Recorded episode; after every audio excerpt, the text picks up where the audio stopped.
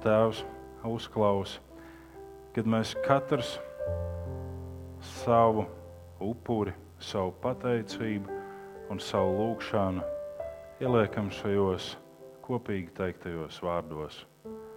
Mūsu Tēvs debesīs, svētīts lai top tavs vārds, lai nāk tava valstība, tavs prāts, lai notiek kā debesīs, tā arī virs zemes. Mūsu dienascho maizi dod mums šodien, un piedod mums mūsu parādus, kā arī mēs piedodam saviem parādniekiem. Un neieved mūsu kārdināšanā, bet atpestī mūs no ļaunā, jo tev pieder valstība, spēks un gods mūžīgi mūžos. Āmen. Āmen. Un šajā brīdī, turpinot muzikai skanēt, vai nebija fantastiski lūkšana muzikas pavadībā? Reti man tas sanāk. šajā brīdī ir mums kāda māsa, bet bez šīs māsas mums ir vēl daudz citu māsu. Un šī māsa šajā dienā teica, ka viņa vēlētos draudzes vidū, ka par viņu aizlūdz. Ko mēs darīsim? Aizlūgsim vai nē? Ko? Godīgi? Dabīgi? Nē, nu mēs varam uzlikt aizlūgšanu ierakstu, vai mēs varam lūgt dabīgi. Bet varbūt bez šīs māsas ir vēl kādas māsas un kādi brāļi, kuriem ir vajadzīga aizlūgšana. Šajā brīdī mūzikai skanot, es gribu iedrošināt jūs kas paliekat savā vietā, nemēģiniet pētīt, kurš un ar kādu vajadzību.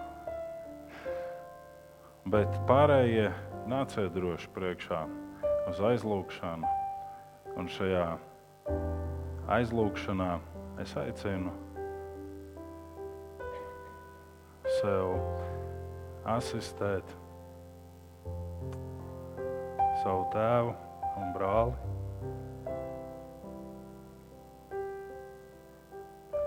Nāc.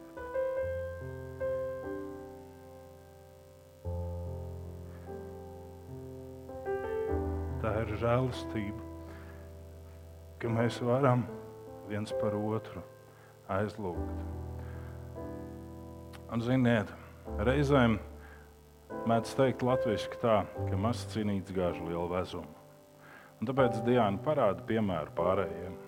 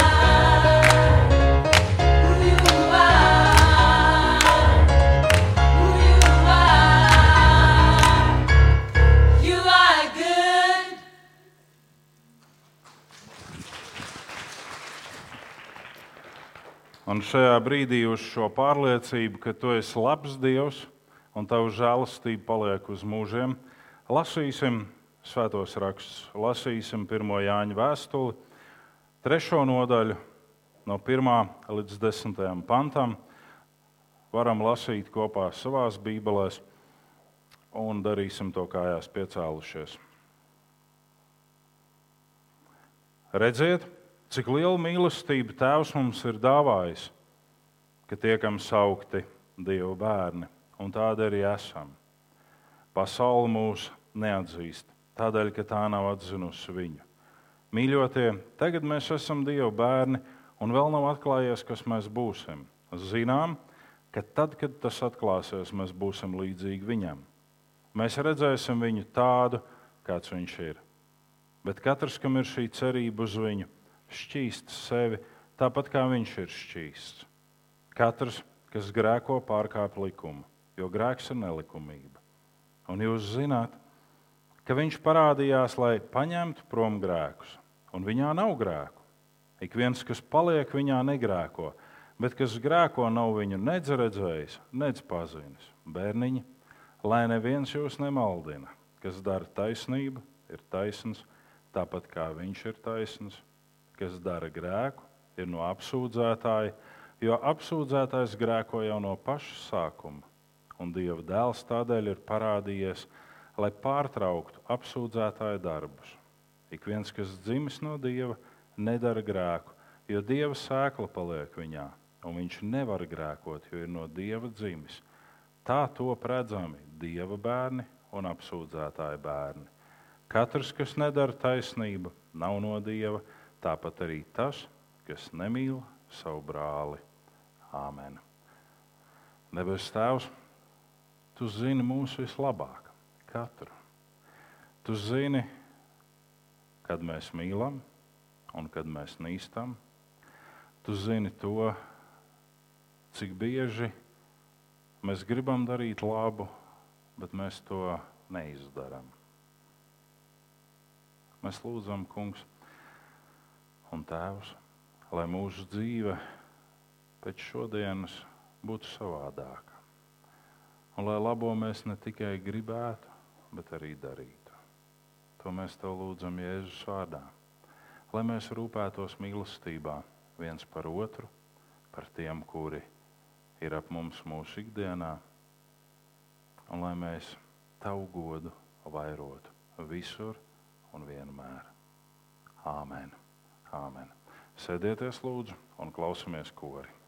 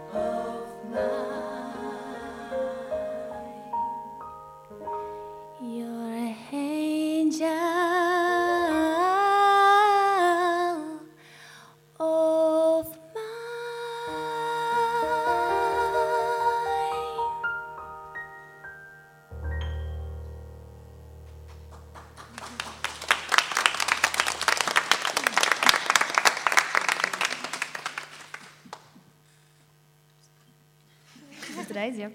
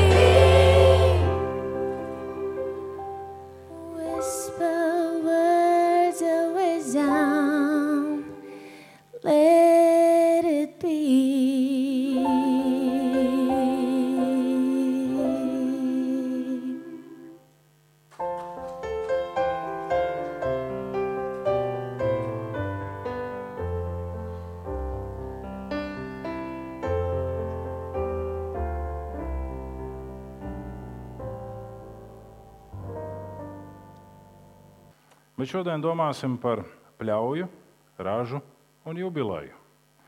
Tad trīs fantastiski temati, kuriem pat nevajag neko īpaši papildus likt klāt.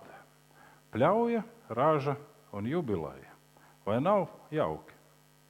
Mēs parasti priecājamies par ražu, mazāk cilvēki priecājās par pļauju. Un kas attiecas uz jubileju, tā kā jau es iepriekš teicu, tur ir ļoti saudabīga šī tēma par jubileju. Jo katram vecumam iepratīm jubilejai ir savs skatījums, sava nostāja, un ir arī savs skaistums.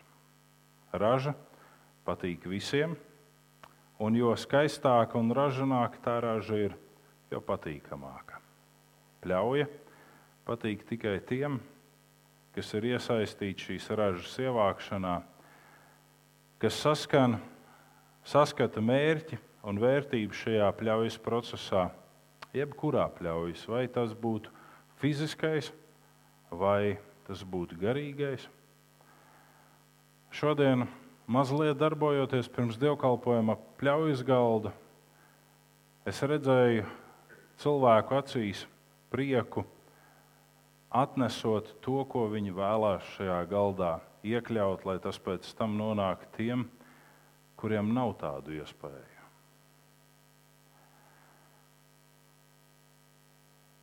Bet tajā brīdī, kad mums ir jāstrādā vaigi sviedros, lai šo ražu ievāktu, mums ļoti bieži rodas grūtības. Tad ir lietus, ja vēl būtu silts lietus, bet viņš taču ir vēss, var saslimt. Tad saule spiež pa diktu. Jūs zināt, cilvēku argumentus tie ir milzīgi un daudz. Un tieši tas pats attiecās arī uz garīgo pļauju.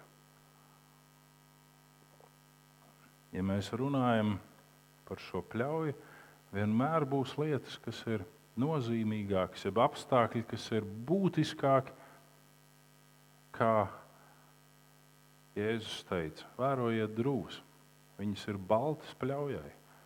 Lūdziet pļaujas kungu, lai izsūta pļāvējus. Kāpēc?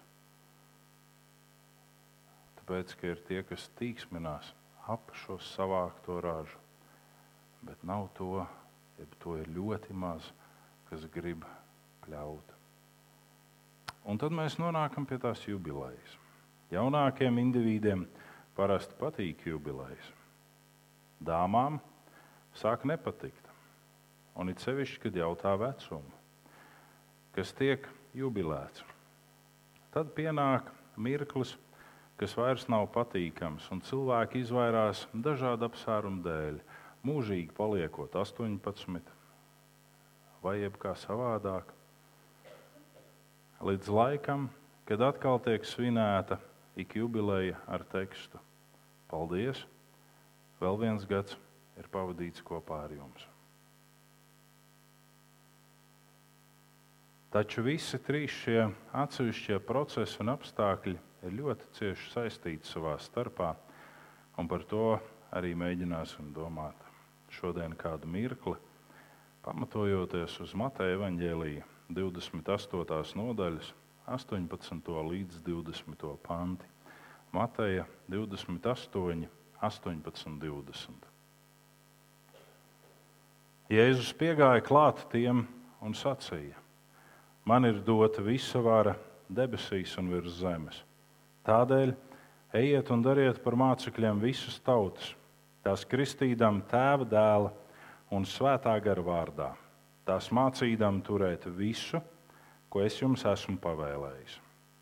Un redzi, es esmu ar jums ikdienas līdz laiku beigām. Un pirmais, pie kā mēs apstāsimies šodien, noteikti ir mīlestības zemkopība. Mēs runāsim šajā dienā, kā jau es teicu, par trim aspektiem. Un pirmais ir mīlestības zemkopība. Jēzus nosaka, saprotam virzienu un pamato to ar varu, kas viņam ir piešķirta. Bet šeit ir mīlestības jautājums mūsos, ticīgajos. Un es pieņemu, ka lielākais vairums no klātesošiem saka, es ticu.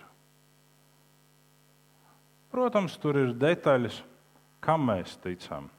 Citi tic augstākam spēkam, citi tic uh, nākamajai dzīvei. Ir dažādas šīs ticības pakāpes. Bet uh, es domāju, ka neviens no klātesošiem nevarētu apgalvot, es neticu nekam. Mēs katrs kaut kam ticam. Un tādēļ ir jautājums par šo mīlestību mūsos, kā ticīgajos. Mēs visi, vai vismaz lielākais vairums, apgalvojam, ka esam ticīgi bet ar to laikam ir nedaudz par maz.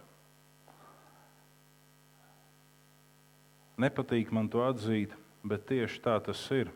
Par maz. It sevišķi, ja mēs runājam par demonisko ticību. Kāpēc?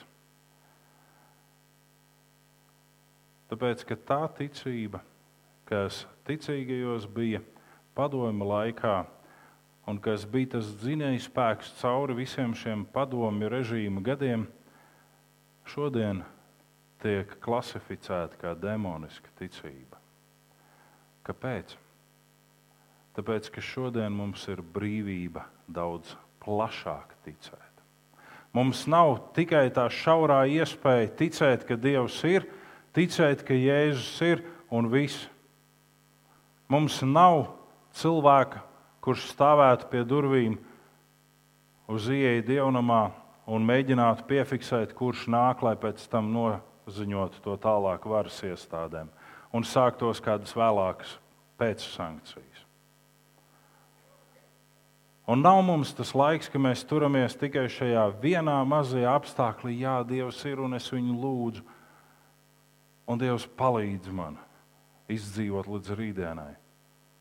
Tādēļ šī primārā ticība tiek klasificēta kā demoniska ticība, jo Dieva vārds mums māca, ka ļaunie gari arī tic, un viņi dreb atšķirībā no mums. Kāpēc? Tāpēc, ka viņi zina, mums nav tā iespēja redzēt, zināt un ticēt. Mēs varam vienkārši ticēt. Lai arī tas nav visai vienkārši ticēt, bet ikdienā bieži mēs neizprotam to vienu jēdzienu - pazudis. Vai patiesi tas varētu būt pazudis uz mūžu? Ko sevi ietver šī pazušana? Par ko runā Dieva vārds un Bībele? Dievs nevarētu būt tik ļauns un cietsirdīgs. Tad, taču viņš nevarētu būt arī mēlis un netaisns. Mīlestība uz Dievu atklājās mīlestībā uz apkārtējiem ļaudīm. Un tas ir tas pamat līmenis visā šajā mīlestības zemkopībā. Mīlestība uz Dievu atklājās mīlestībā uz apkārtējiem. Un ne tikai uz tiem, kas ir mani vistuvākie. Jo Jēzus stāsta šo līdzību par kādu vīru, kurš devās no Jeruzalemes uz Jēriku un nonāca laupītāja rokās un tika smagi piekauts. Gan arī līdz nāvei, vai pat līdz nāvei. Un tad pa šo ceļu ceļoja kādi citi cilvēki un redzēja šo sasisto. Un Jēzus šo līdzību stāsta tajā brīdī, kad kāda ļaudis jautā, kas tad ir tas mans tuvākais? Vai tas ir mans dēls, meita, sieva, māte, tēvs, vīrs? Kas ir tas mans tuvākais? Un Jēzus saka, lūk, šis samarietis, kurš ceļoja pa šo ceļu, un redzēju šo sasisto ebreju. Samarietis ir tāds netīrasiņu ebrejs, kurš no cilts ebrejiem tiek uzskatīts par tādu netīreni. Es nezinu, kam mēs to varētu pielīdzināt. Labāk nepielīdzināsim nekam. Vienkārši pieņemsim, ka tā ir tāda, nu, uz viņiem skatījās ar nicinājumu. Un garām gāja ebrejs priesteris. Un kā gāja, tā aizgāja. Redzēja to sasisto, bet aizgāja. Un garām gāja ebrejs, farizējs.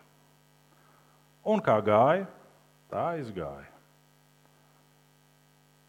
Un ceļoja samarietis.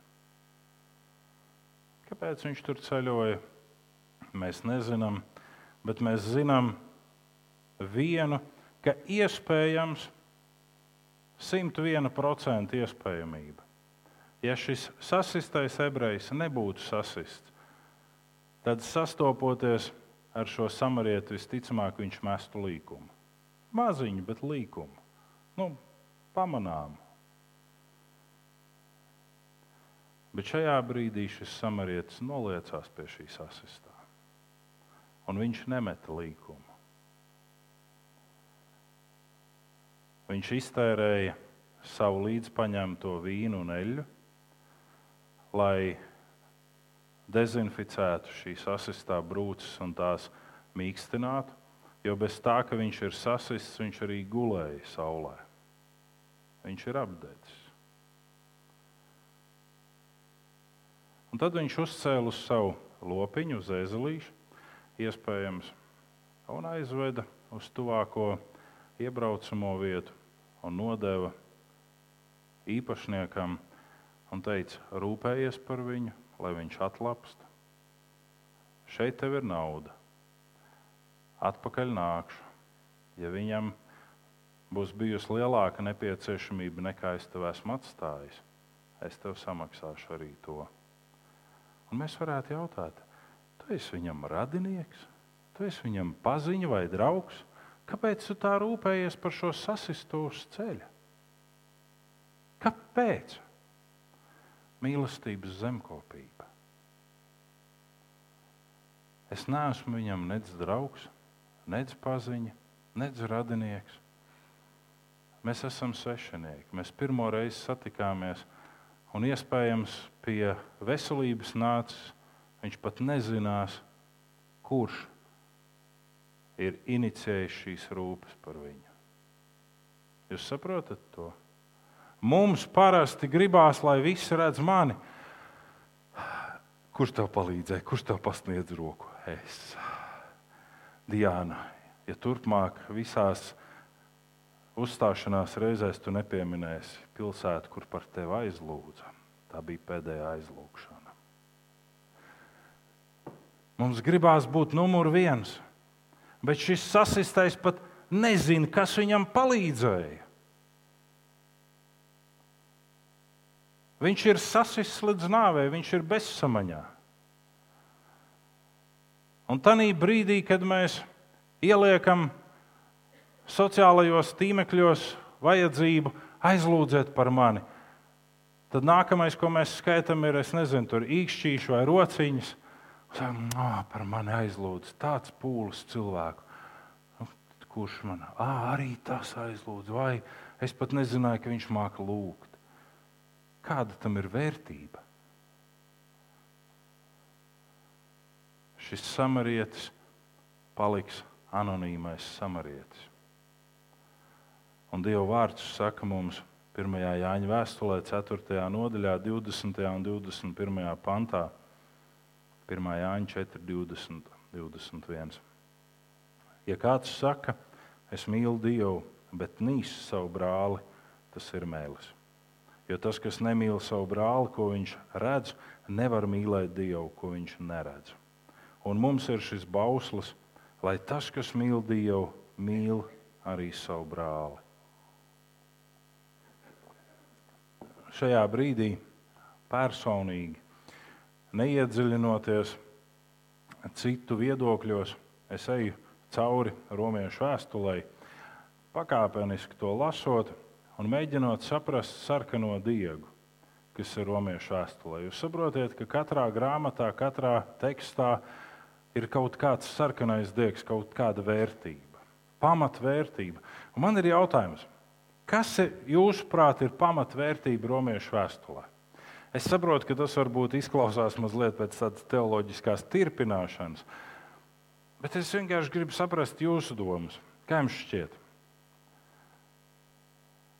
À, jūs neesat lasījuši. Nu, labi. Tas, pie kā es šobrīd esmu apstājies, ir, ka romiešu vēstule pamatlīnijā parāda vienu - žēlastības praktizēšana ikdienā. Ja apustulis Pāvils saka, kur ir vairojies grēks, ir vairojusies žēlastība. Romiešu vēstuli. Kur ir vairojies grēks? Pār pārējiem ir vairojusies žēlastība. Jūs saprotat? Tanī brīdī, kad mēs kāris pilni uz kādu norādām ar pirkstiem, sakam, kā viņš tā varēja? Ir vairojusies Dieva žēlastība pār viņu. Ir vairojusies Dieva žēlastība un šī mīlestība, ko Dievs pasniedz. Un šeit mēs lasām, ja tu saki, ja es saku, ka es mīlu Dievu, bet es neieredzu savu brāli. Kas ir brālis? Vai tas ir mans fiziskais brālis? Reizēm arī fiziskais. Un to mums atklāja līdzība par pazudušo dēlu, kur šie brāļi savstarpēji konkurēja. Bet ļoti bieži līdzīgi kā samarietis. Cilvēks kurš arī ir pēc dieva tēla un līdzības veidots. Ir mans brālis un mana māsa. Es nevaru mīlēt Dievu, ja es nemīlu viņa līdzību, šo personu, vienu vai citu, ja es ienīstu, ja es turu rūkumu, ja es turu kaut kādu ļaunumu vai nepatiesību uz šo personu. Un es jums teikšu, viens ļoti skarbu lietu. Katrs rūkums ir nepatiesība. Ja mēs neizlīkstam, ja precīzāk sakot, ja es jūtu, ka manī ir rūkums uz kādu, tad es mēģinu izlīgt. Jo katrs rūkums ir netaisnība, nepatiesība. Kāpēc? Tāpēc, ka ļoti bieži starp mums nostājās apsūdzētājs. Un viena rīcība otram viņš liek redzēt vai dzirdēt pilnīgi pretēji. Pieņemat? Tāda ļoti klasiska situācija. It sevišķi tajā brīdī, kad jūs redzat, ka divi strīdās par vienu un to pašu tēmu. Un viens saka, tas ķirbis ir oranžs, otrs saka, nē, viņš ir apaļš. Nē, viņš ir oranžs. Tu ko viņš ir apaļš? Vai viņi nerunā par vienu un to patu vienādi? Es jums tādu banālu piemēru pievedu, bet, bet tā ir tā ikdiena. Tik ļoti bieži mūsu redzes, dzirde tiek mazliet aizmiglota. Un mēs sakām, ah, jā, Es esmu ļoti noguris, es esmu slims, man ir tāda problēma, man ir tāda problēma. Un mēs sākam apoloģēt ar visu to, kāpēc mēs varam redzēt, dzirdēt, just atgārni. Bet atcerēsimies šo vienu. Ir viens, kurš mēģina panākt to, lai starp tevi un mani ir nemieris, un var mūs apsūdzēt. Tas ir tik vienkārši. Ja tu saki, ka tu mīli Dievu, bet tu nīsties ar savu tuvāko, pat ja viņš ir zem zemes, pat ja viņš ir tālu prom, tu esi mēlis. Mīlestības zemkopība. Tas ir tas brīdis, kad tu Dari visu, lai tavā sirdī būtu mīlestība. Jāņa evanģēlijas 15. nodaļa, 7, 8, 12, 17. Tāds zaķa lēciens. 15, 7, 8, 12, 17. Nav taču grūti neatcerēties. Ja jūs mani, manī paliekat un mani vārdi paliek jūsos, jūs varēsiet lūgt, ko vien jūs gribēsiet un tas jums notiks. Un mans tēvs ar to tiks pagodināts, ka jūs nesīsiet daudz augļu un kļūsiet mani mācekļi. Mans bauslis ir mīliet cits citu, tāpat kā es jūs esmu mīlējis. Es jums to pavēlu. Mīliet cits citu. Un tas ir tas brīdis, kad mēs izvirzam dažādus argumentus Arī mīlestības zemkopībā, skatoties uz draugu, mēs izvirzam dažādus argumentus. Mēs sakām, ka piemēram tās lietas, jeb tie fakti, ko Dievs ir noteicis savā vārdā, ka mēs viņus varam izlemt, kad darīt un kā darīt, un vai darīt un vai nedarīt. Jā, Dievs mūs ir iecēlis kā gudrs namturs pār to, ko Viņš mums ir uzticējis. Bet šeit ir teikts, ja mēs paliekam Jēzu un Jēzus vārdi paliek mūsos, mēs varam lūgt, ko vien gribēsim. Bet tas nav uh, tā niķīgi lūgt, tā bērnišķīgi lūgt. Iespējams, kādreiz arī bērnišķīgi. Iespējams, arī kādreiz niķīgi. Bet pamatu pamatā tas ir lūgt un ļoti bieži par citiem, bet ne par sevi.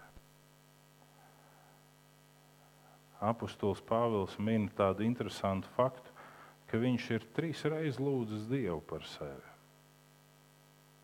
Un visas trīs reizes Dievs viņam ir atbildējis, tev pietiek ar manu žēlastību.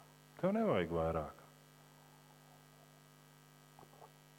Un tad, uzrunājot apkārtējos ļaudis, caur vēstulēm viņš saka, nu, jūs lūdziet Dievu, lai mums ir drosme, lai mums ir spēks, evaņģēlīju nest līdz galam. Un Jēzus runājot atkal līdzībās par sējēju, saka, ka sējējs iesēja sēklu ar asarām citreiz pat. Un tad iet gulēt un ceļās no rīta, un atkal iet gulēt un mēģina rušināties ap to sēklu, kas nu ir iesēta. Un tad vienā brīdī viņam pat nemanot, sēkla sāk dīgt un augt un nobriest. Un tas parāda arī mūsu garīgo sēju. Tas parāda arī šo garīgo darbošanos. Tanī brīdī, kad mēs pasniedzam viens otram mīlestību un žēlastību, mūs var ievainot, mūs var sāpināt, mums var izdarīt pāri. Un atbilde ir, bet rīt no rīta ir jauna žēlastība,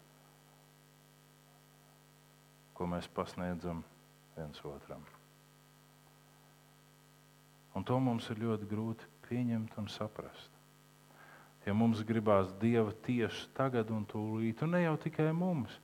Jēzus mācekļiem bija tieši tāda pati vēlme. Viņi saka, kungs, mēs izsauksim uguni no debesīm, un šīs pilsētas pazudīs.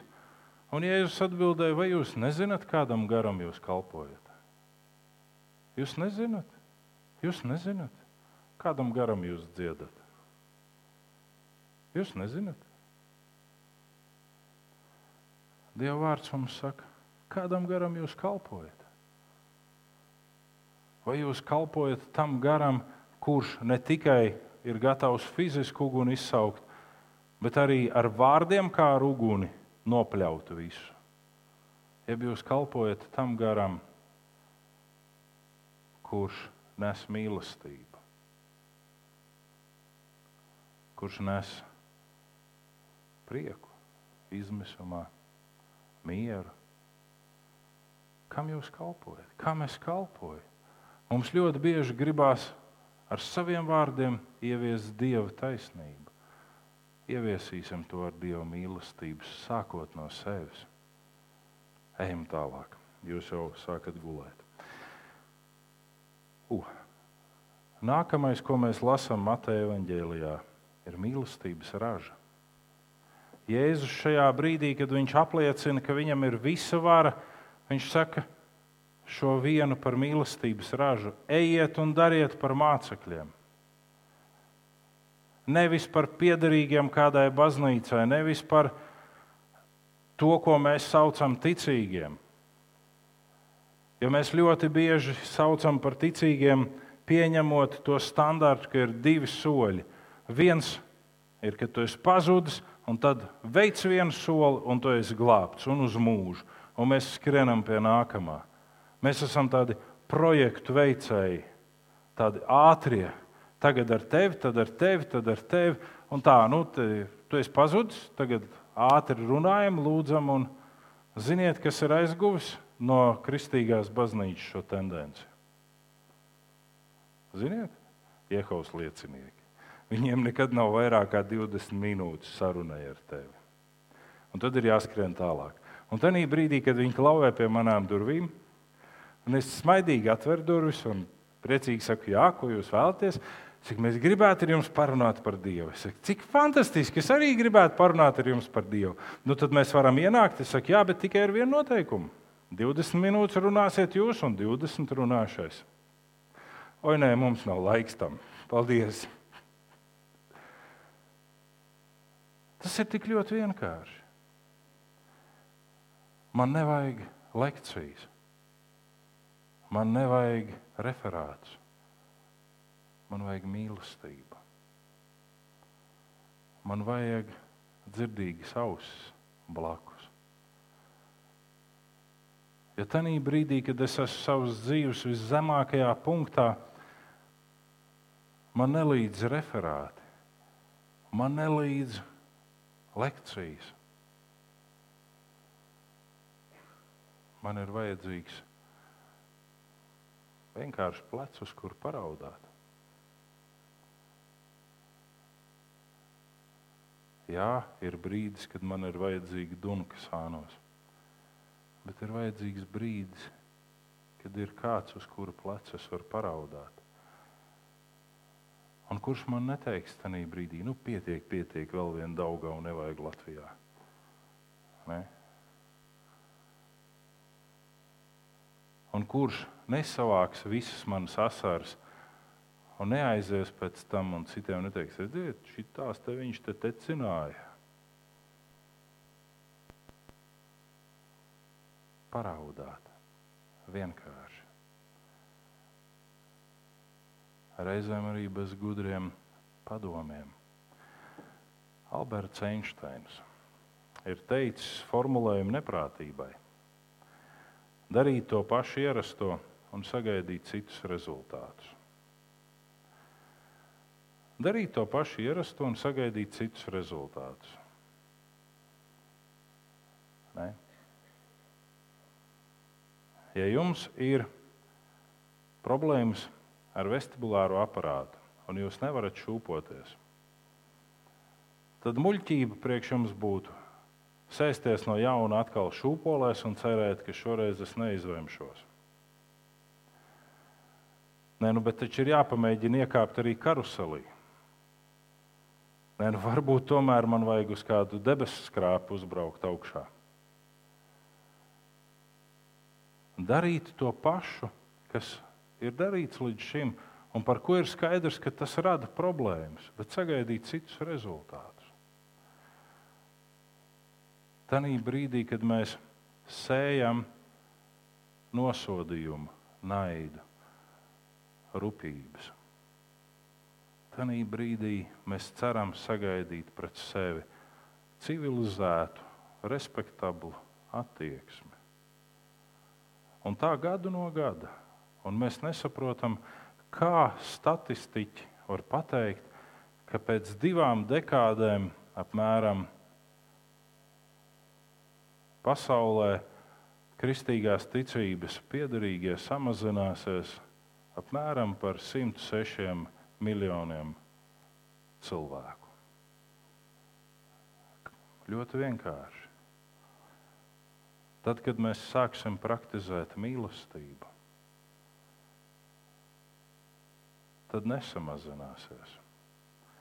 Bet kamēr mēs norādīsim ar pirkstiem viens uz otru, samazināsies. Kamēr mēs negribēsim dzirdēt viens otru, samazināsies. Kamēr mēs nedzirdēsim to pamācību, ko Jēzus ir teicis, ja kāds tev aicina iet vienu kilometru, paiet divus, samazināsies. Ziniet, kāpēc ir labi pēc darba skriet mājās? Un vienmēr postulēt, es esmu mājas cilvēks. Jo tad, kad tu sēdi mājās, neviens nevar lūgt tevi iet vienu kilometru ar viņu. Nav jau kam. Sienas, dīvāns, galds un naktas skats jau nelūgs. Ej, vecīt, izējām pastaigāt. Nē, bet tur, kur ir cilvēki, tur manis nav. Un es jums pilsētā esmu to teicis vienmēr. Visur, tur, kur jūs esat, tur ir jābūt dievam redzamam caur jums, ko cilvēki var sagaršot. Un tajā brīdī, kad citi norāda ar pirkstiem vienalga uz ko, kaut vai uz valdību, tad jūs esat tur tā kā Jēzus, kurš raksta ar pirkstu smiltīs. Jo tie pirksti ir kā akmeņi. Un jūs sakat, ok, no kurš no jums ir bez grēka uz priekšu? Turpiniet tā bakstīt ar pirkstiem.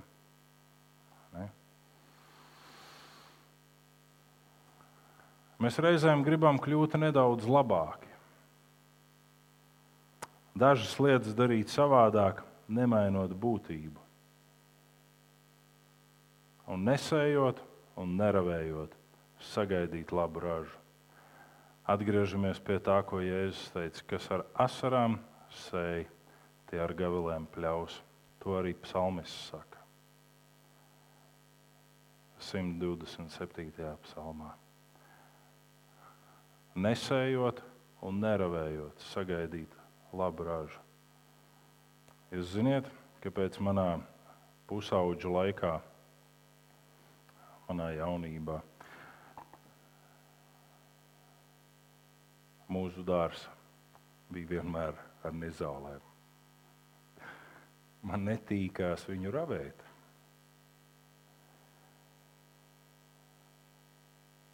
Jo man pirmkārt šķita, ka es šo laiku varu izmantot labāk, un es taču nevienam neteicu, ka vajag dārzu.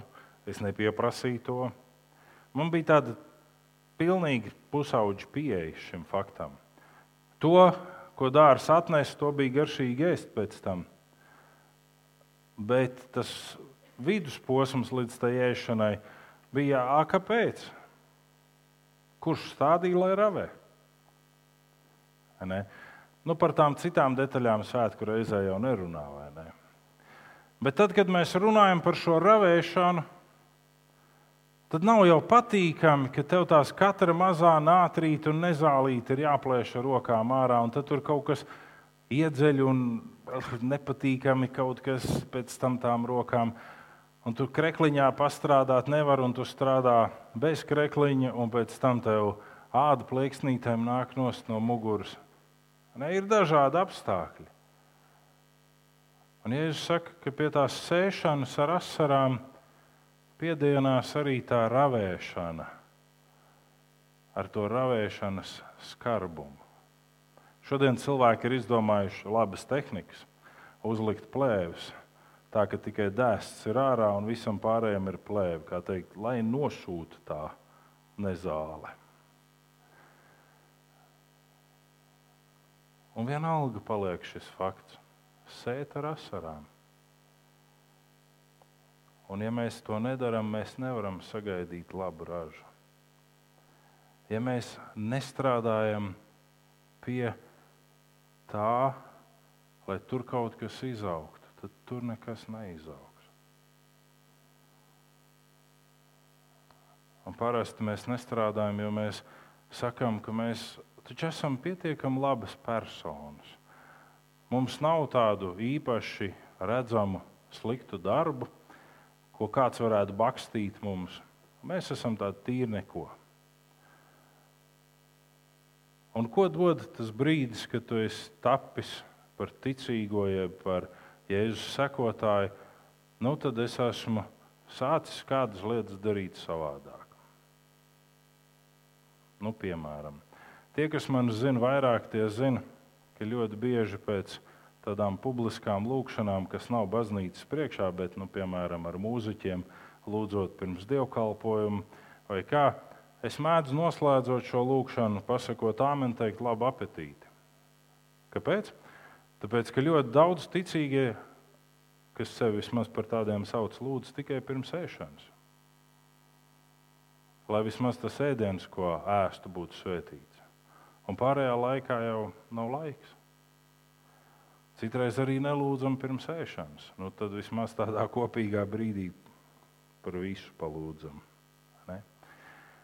Dažas lietas es daru savā, savādāk, bet es nemainu savu būtību. Būtība, kas ir nevis vulkāns, kas nes no sevis mīlestību, prieku, mieru, pacietību, bet vulkāns, kas nes visu šo iznīcinošo labu.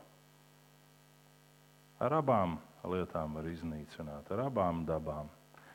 Bet tā viena nes pilnīgi izpostījumu, tā otra izposta ļauno, lai augtu labais.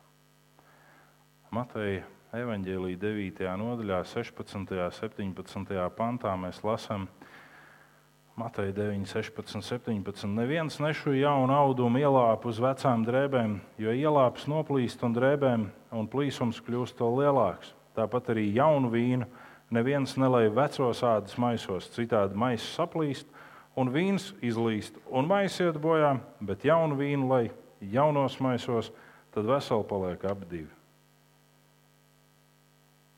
Fantastiska vieta.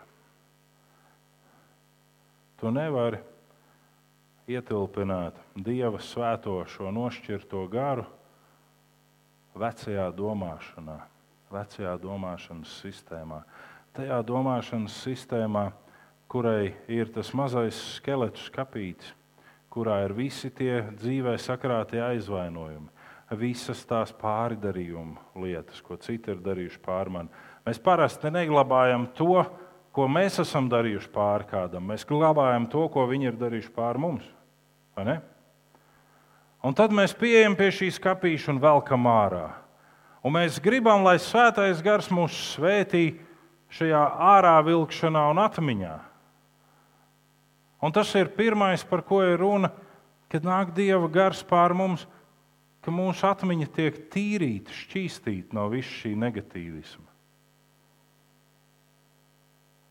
Jūs guļat, labi.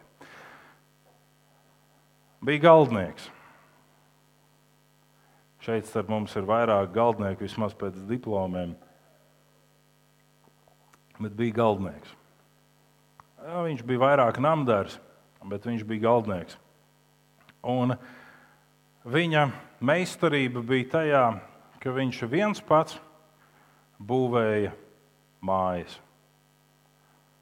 Savam darba devējam, savam firmas īpašniekam, viņš bija zelta gabaliņš. Jo viņš vienmēr strādāja perfekti. Viņš visu izdarīja uz FF. Tā mēs sakām, puikas fast forward. Ne? Viss bija vislielākajā kārtībā. Un īpašnieks, kurš pēc tam tirgoja šīs mājas, varēja uzticēties šim strādniekam un zināt, ka viņš var nebraukt, nepārbaudīt noteiktajā laikā, darbs tiks padarīts un atslēgas tiks nodotas.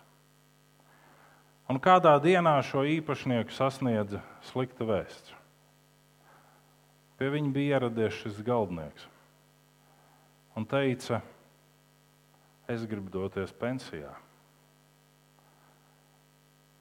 Un īpašnieks teica, bet tu saproti, tu esi mūsu labākais darbinieks. Tu esi zelts mums. Varbūt tu tomēr vari palikt vēl uz kādu laiku. Varbūt mēs tev varam algu maksāt lielāku, ja tu jūties nenovērtēts no mums. Nu, saki, kas ir. Saka, nē, es vienkārši gribu doties pensijā. Un īpašnieks teica, vai es tev varu kā labam draugam, kurus arī uzskatu par savu otro tēvu, palūgt vienu lietu. Jā, ko tu gribi? Un īpašnieks teica, es lūdzu, uzcel vēl vienu māju. Vairāk neko. Vienu māju. Galvenais teica, labi, uzcelšu. Jums ir bijusi situācija, ka jums tuvojās atvaļinājums un ir pēdējās darba dienas, bet jūsu domas jau ir atvaļinājumā, un varbūt kādā ceļojumā, jeb notikumā, jeb pasākumā, un, un jums absolūti negribās darīt to, ko jūs darat. Un apmēram tā jutās šis galdnieks. Viņš izmantoja apšaubāmus materiālus, ko viņš nekad dzīvē nebija darījis. Tur, kur vajadzēja likt skrūves, viņš dzina naglas iekšā, lai būtu ātrāk. Un pretēji, nu, mēs varētu latviešu teikt, tādā tiesājošā kolektīvā šeit sanākot, nu, haltūra, nevis nopietnas darbs. Un māja bija pabeigta. Laikā māja tika pabeigta, visa apdara, viss un atslēgas tika atnestas priekšniekam un nodotas. Un priekšnieks teica, tātad šī bija tā pēdējā māja, kur tu uzcēli, un kā mēs esam vienojušies, tu dodies pensijā. Un galdnieks teica, jā, tā mēs esam vienojušies. Un priekšnieks teica, mēs esam izvērtējuši pa gadiem visu tavu darbu, un tas ir bijis lielisks. Šo māju mēs dāvinam tev. tu viņu uzcēli priekš sevis. Un tad sākās problēmas. Visticamāk, jūs nenojaušat to mazo noslēpumu, ka tu un es mēs esam tie galdnieki visi, kas ceļ to māju, kurā mēs pavadīsim mūžību. No kādiem materiāliem mēs to ceļam? par kādu jēzu mēs liecinām. Kādu dievu mīlestību mēs atklājam cilvēkiem ap mums. Tanī brīdī, kad kāds no jums gribētu ieiet bārā, jo jums ļoti slāpst un jūs gribat padzerties ūdeni, un cits nekas nav blakus, ja varbūt jums ir spiedoša vajadzība tikt uz toaleti, tad kāds brālis vai māsa gudri stāvot ārpusē un ķīķerējot uz jums, varētu teikt, vai Jēzus tā darītu. Neticēsiet, Jēzus tā darītu, jo viņš ir visur. Arī bārā viņš ieiet, un viņš pat piedalījās kāzās Kānā, Galilejā. Un pēc rakstiem viņš turpat nevienu nenosodīja un nenotiesāja, ka kāds būtu pa daudz iedzēris, izdzēris vai pārāk nodeldējis kurpes dejojot kāzās. Dīvaini, vai ne?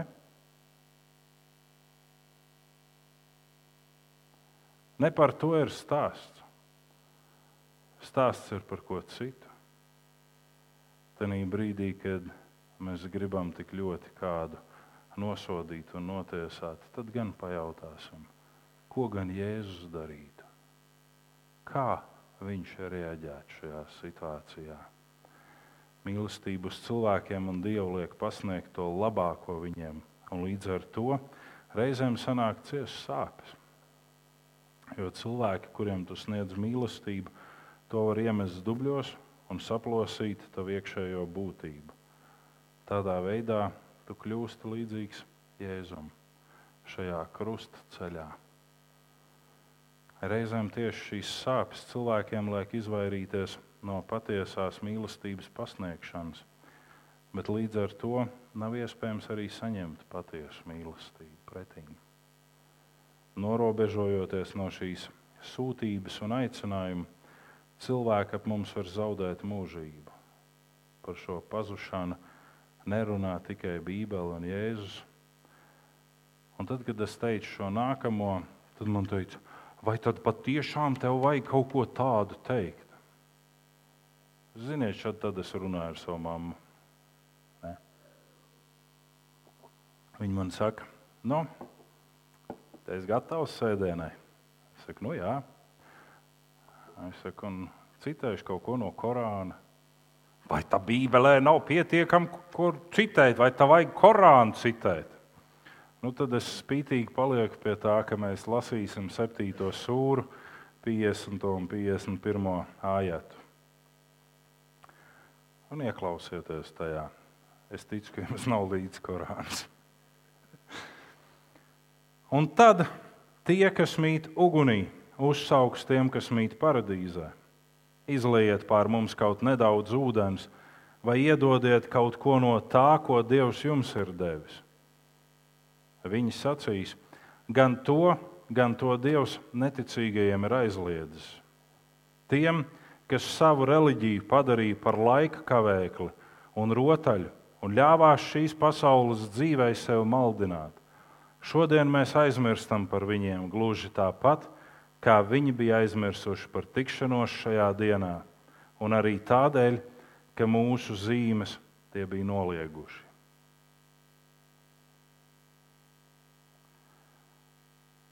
Un, ja jūs lasītu 49. ājatu, tur tiek minētas četras grāmatu reliģijas, jeb ticības kas būtu judaisms, kristietība, islāms un sābieši. Par to ceturto tiek šķēplausti, kas tas ir. Un runa ir nevis par to, ka tie citi nonāca tajā ugunī, bet runa ir par to, ka tie, kas ticīgie skaitās, nonāca tajā ugunī. Kāpēc? Tāpēc, ka viņi savu reliģiju bija padarījuši par laika kavēkli un rotaļu. Mīlestības raža nav vietas laika kavēklim. Un mēs nonākam pie pēdējā, pilnīgi aizmidzinošā mīlestības jubileja. Kā savas jubilejas, tā arī mīlestības jubileju mēs svinam ar skatu uz aizvadīto un noslēdzam svinības ar tiksimies rīt.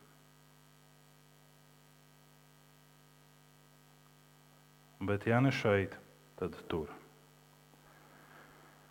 Šajā jubilejas reizē mums ir jānoskaidro šis viens, vai Jēzus vēl ir ar mums, ja mums ir kāds savs Jēzus, un es šis viens iemiesotais Dievs. Jo Mateja evanģēlijā mēs lasījām, es būšu ar jums līdz pasaules beigām. Vai šis Jēzus, kas to teica toreiz, ir ar mums, ja mums ir savs Jēzus? Jūs zināt, ka reizēm ir grūti ieiet katedrālē un ieraudzīt starp divām svecītēm pieneglot Jēzu pie krusta. Kāpēc? Tāpēc, ka viņš nenomira katedrālē starp svecītēm. Viņš nenomira tādā skaistā, pūkainā vietā. Viņš nomira krustcelēs, metropoles krustcelēs. Tā brīža.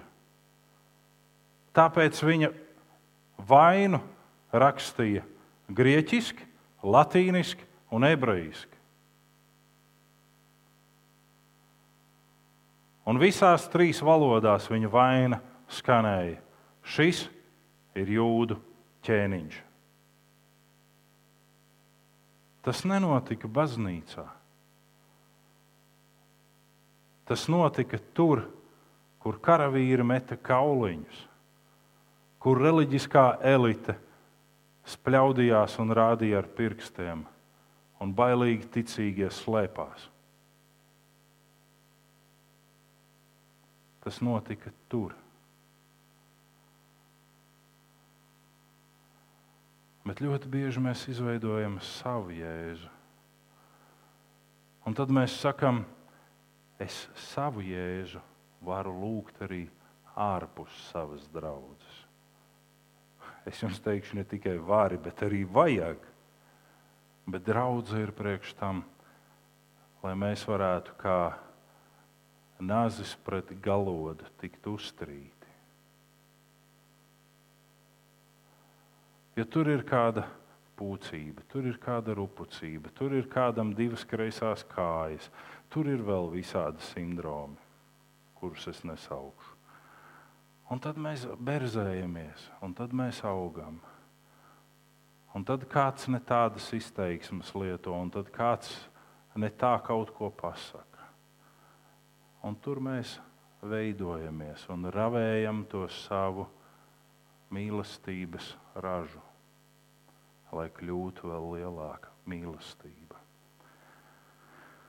Vai mēs savā ikdienā, un tas ir tas otrais, vai mēs savā ikdienā esam imago dei, iemiesotais Dievs, Dieva līdzība, ja mēs esam tikai es pats paspējis.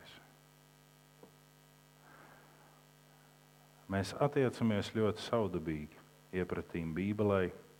Mums ir tāda netradicionāla orientācija iepratīm Bībelē. Un Dievs ir tikai tāds satiksmes vārds, kad nav nekā labāka.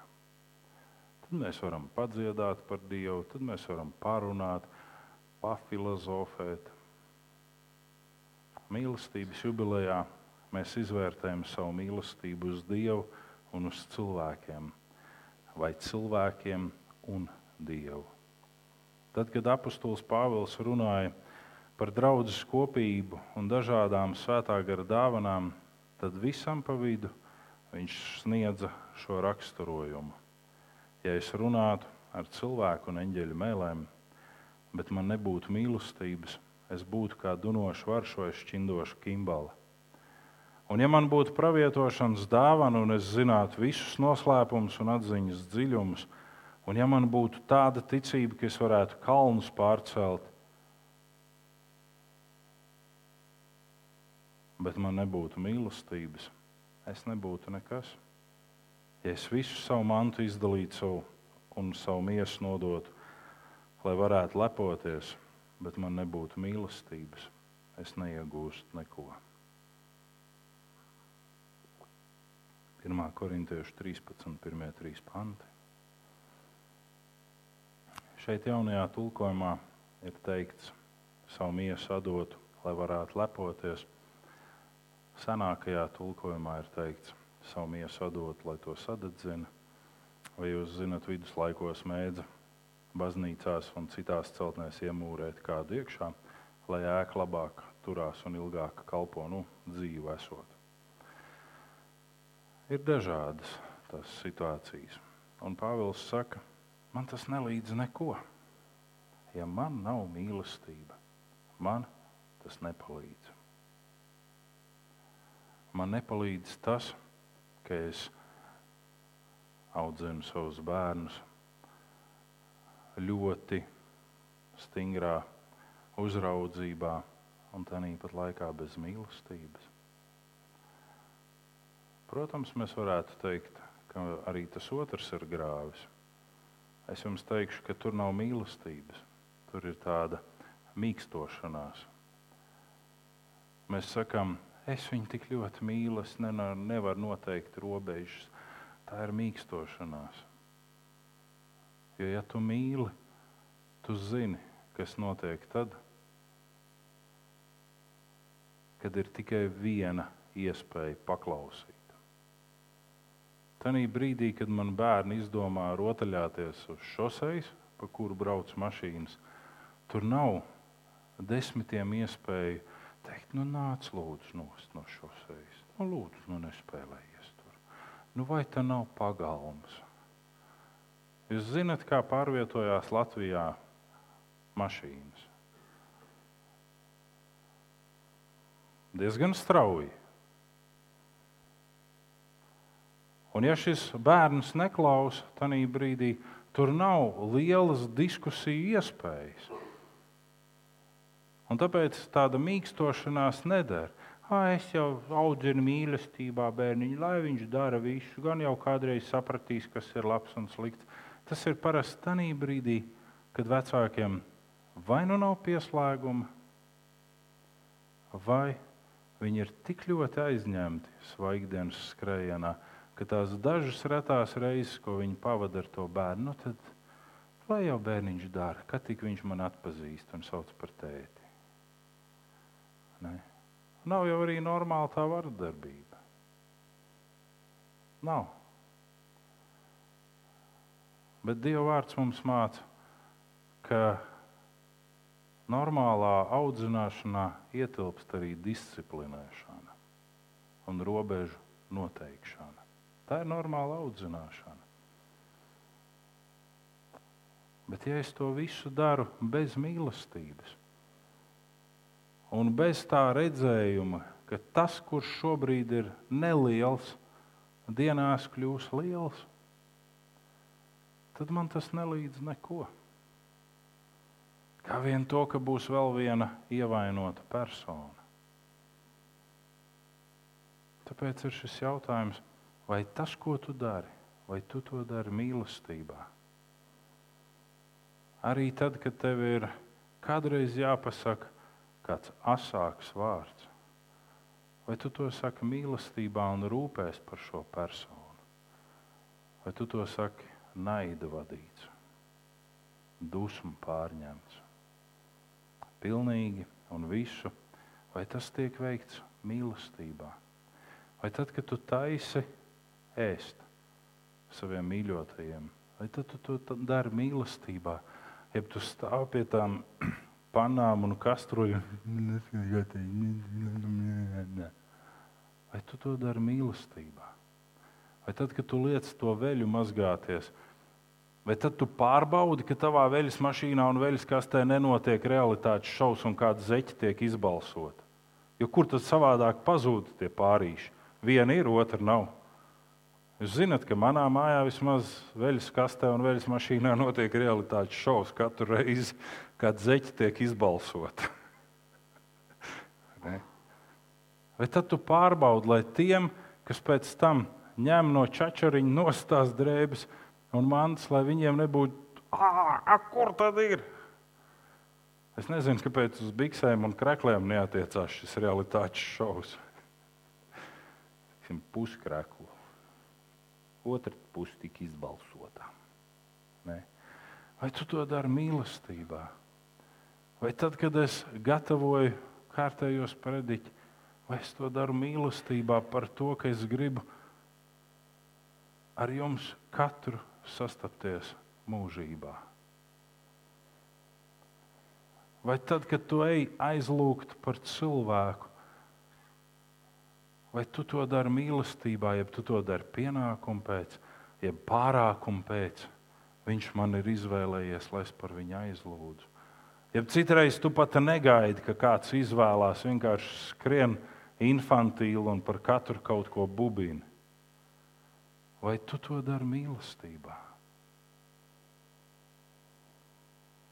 Es šodien šeit esmu un apliecinu, pļauja notiek. Raža ir vidēji vai pat vāja. Un jubileja liek saprast, ka laiks iet, bet spītība un paštaisnība paliek.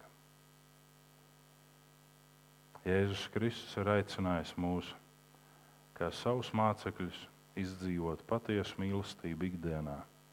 Tad to arī darīsim un neļausim dažādām viltībām aizēnot patiesu mīlestību, kuras dēļ mēs augstam, lai visi tiktu izglābti un nepazustu. Ne caur taviem vārdiem, bet caur tavu mīlestību un rūpēm par ikvienu no šīm personām, kas ir ap tevi. Tas parādīs tavu patieso māceklību nevis daudzie vārdi, nevis skaistās izteiksmes. Mīlestība. Un tikai. Un par to Jēzus runā šajā lielajā sūtībā. Ejiet un dariet par mācekļiem. Lai Dievs svētī mūsu ikvienu. Pēdējā dziesma bet negribās. Gribētos vēl un vēl, vai ne? Lūdzu.